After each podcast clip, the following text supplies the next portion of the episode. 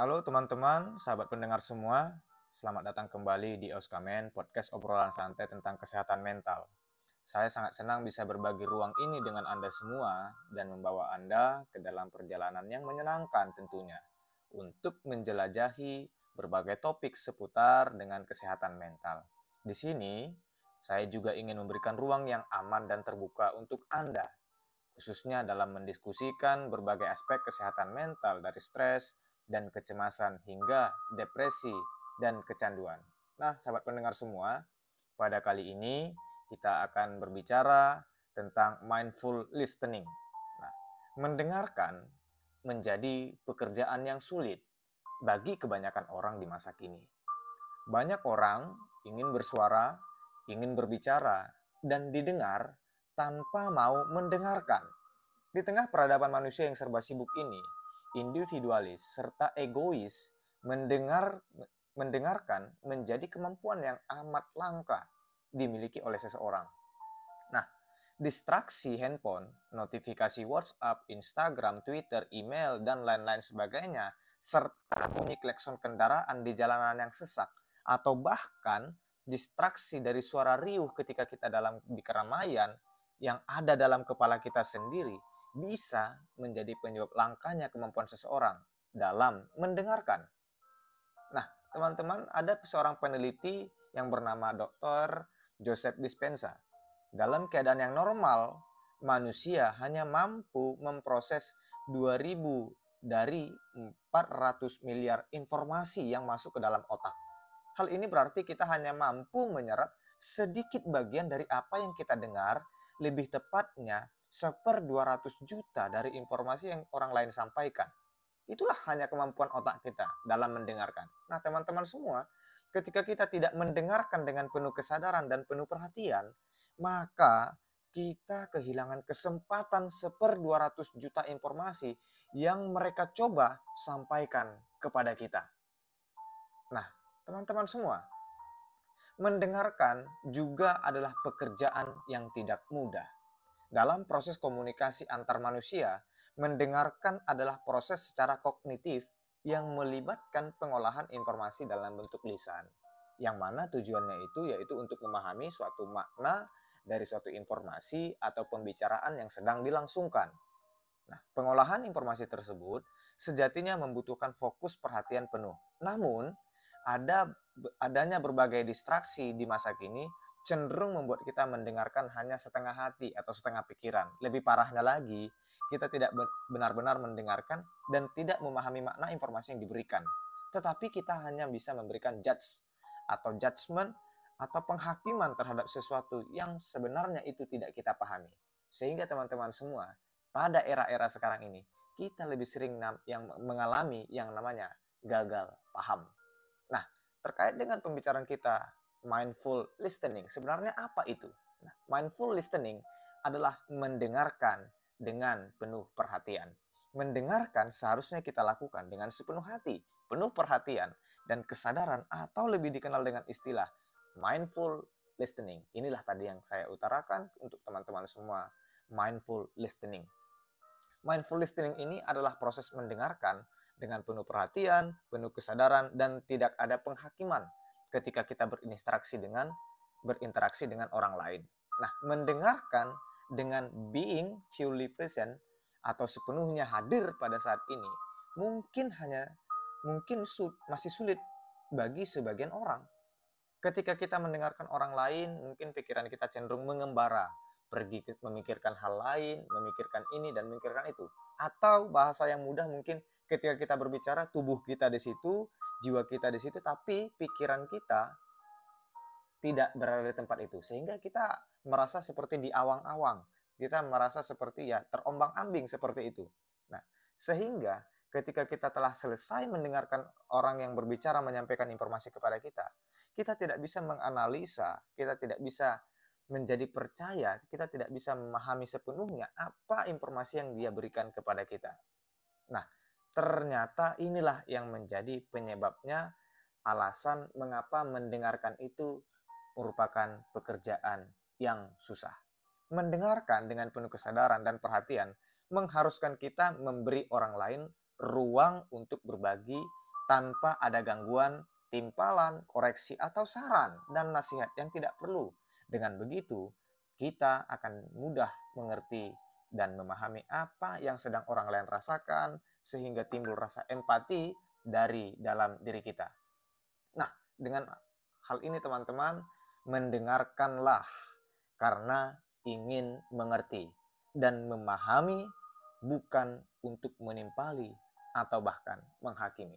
Inilah yang harus kita pahami konsep ini, mindset ini, sehingga kita bisa membawa alur pikiran kita, membawa diri kita untuk mendengarkan penuh dengan perhatian. Untuk semua kita, sahabat pendengar, untuk semua kita yang ingin didengarkan, yang ingin dimengerti, dan dipahami oleh sesama, ada baiknya juga nih, kita kembali bertanya pada diri kita sendiri. Apakah kita sudah mendengarkan dengan penuh empati? Apakah kita sudah benar-benar mendengarkan tanpa prasangka atau judgement? Apakah kita sudah mendengarkan dengan penuh kesadaran dan perhatian? Nah, ketiga pertanyaan ini harus kita gaungkan dalam diri kita supaya kita tidak hanya sebagai orang yang mau didengarkan, tapi kita juga sebagai orang yang mau mendengarkan. Nah, saya akan berbagi kepada kita semua apa dan bagaimana tips supaya kita bisa mendengarkan dengan penuh perhatian. Mende yang pertama, mendengarkan dengan penuh kesiapan dan kesadaran. Mendengarkan orang lain butuh persiapan diri yang matang. Mengingat mendengarkan adalah proses yang membutuhkan kesadaran, fokus, dan perhatian yang secara utuh. Untuk benar-benar mendengarkan orang lain, hati dan pikiran kita harus sepenuhnya berada dalam masa sekarang atau being present, being present ya. Jadi di mana pikiran kita dan tubuh kita dan orang lain yang sedang berkomunikasi dengan kita harus di situ semuanya. Bukan berada pada masa lampau atau masa yang akan datang. Jadi tidak berada di uh, tidak terawang-awang, tidak terombang-ambing pikiran kita. Dengan kata lain, tubuh kita di situ tapi pikiran kita tempat lain tidak.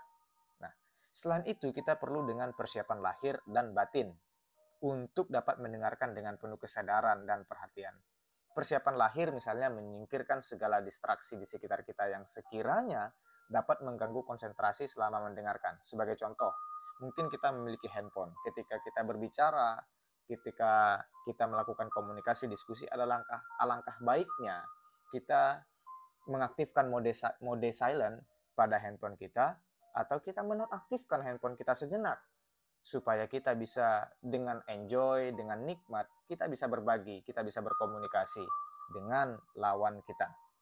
Nah, yang kedua, memilih ruangan dan suasana yang ten yang tenang serta nyaman ini juga menjadi perihal yang harus kita perhatikan.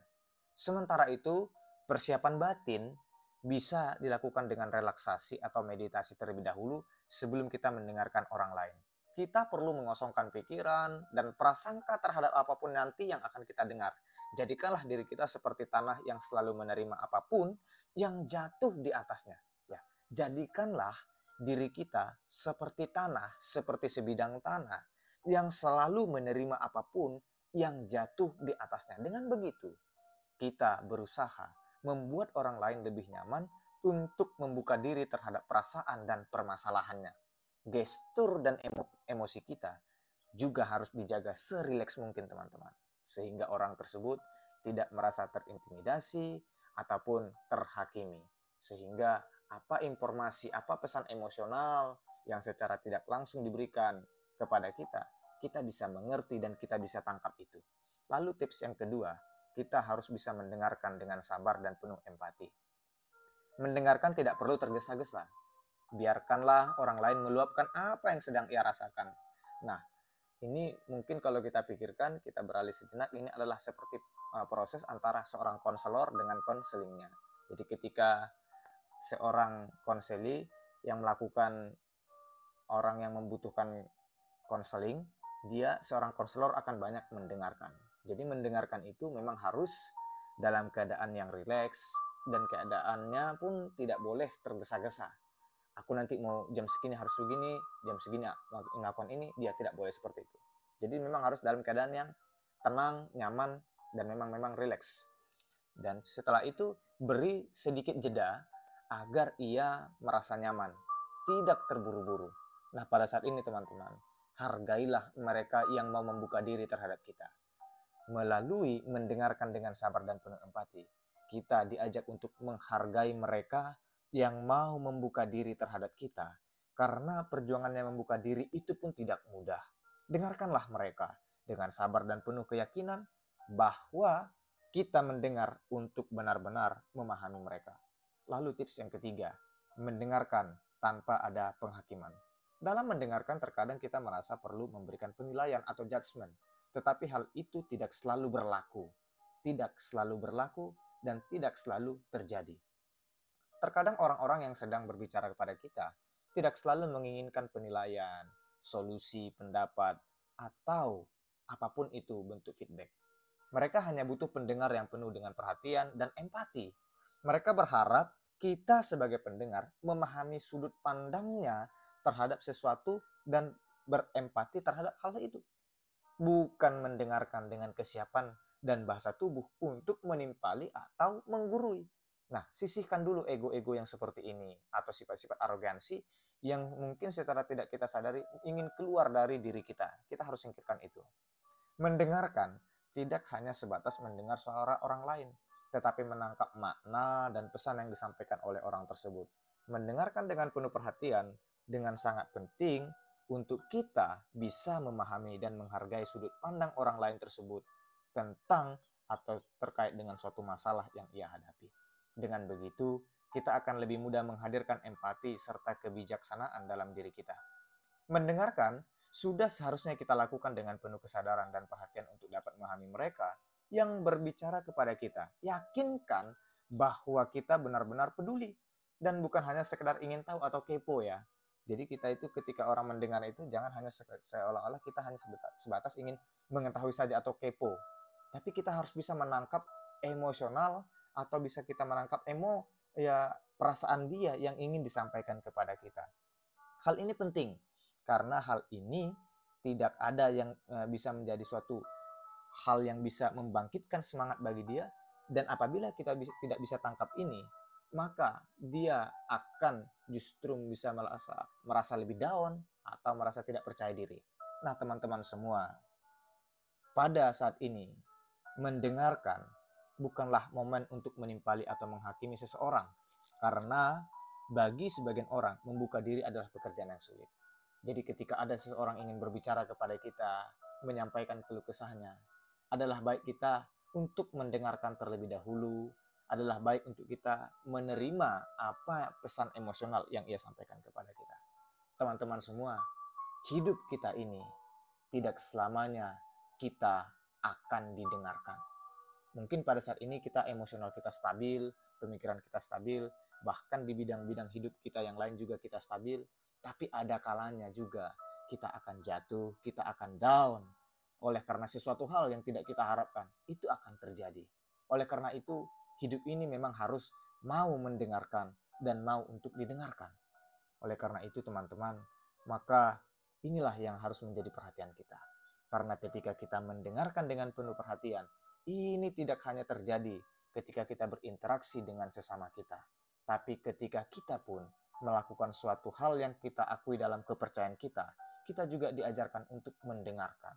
Kita diajak untuk lebih memahami kita diajak untuk memberi perhatian sehingga ketika ada proses mendengarkan baik itu dalam konteks sosial, baik itu dalam konteks adat dan budaya, baik itu dalam konteks peribadahan dalam agama, ini juga harus kita perhatikan. Mendengarkanlah dan kita harus mendengar dengan penuh perhatian di mana hati kita, badan kita, dan diri kita di situlah sepenuhnya. Jangan mengatakan pikiranku sedang di sini, tubuh tapi tubuhku di sana. Ini justru membuat kita menjadi seorang pribadi yang tidak memiliki kapabilitas, yang tidak memiliki integritas. Nah, teman-teman semua, mari dengan pembahasan kita hari ini tentang obrolan kita mendengarkan penuh perhatian atau mindful dari listening.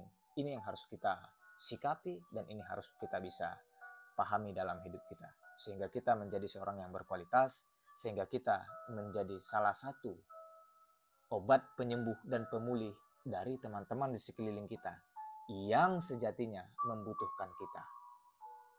Tetap semangat jalani hari dengan kuat.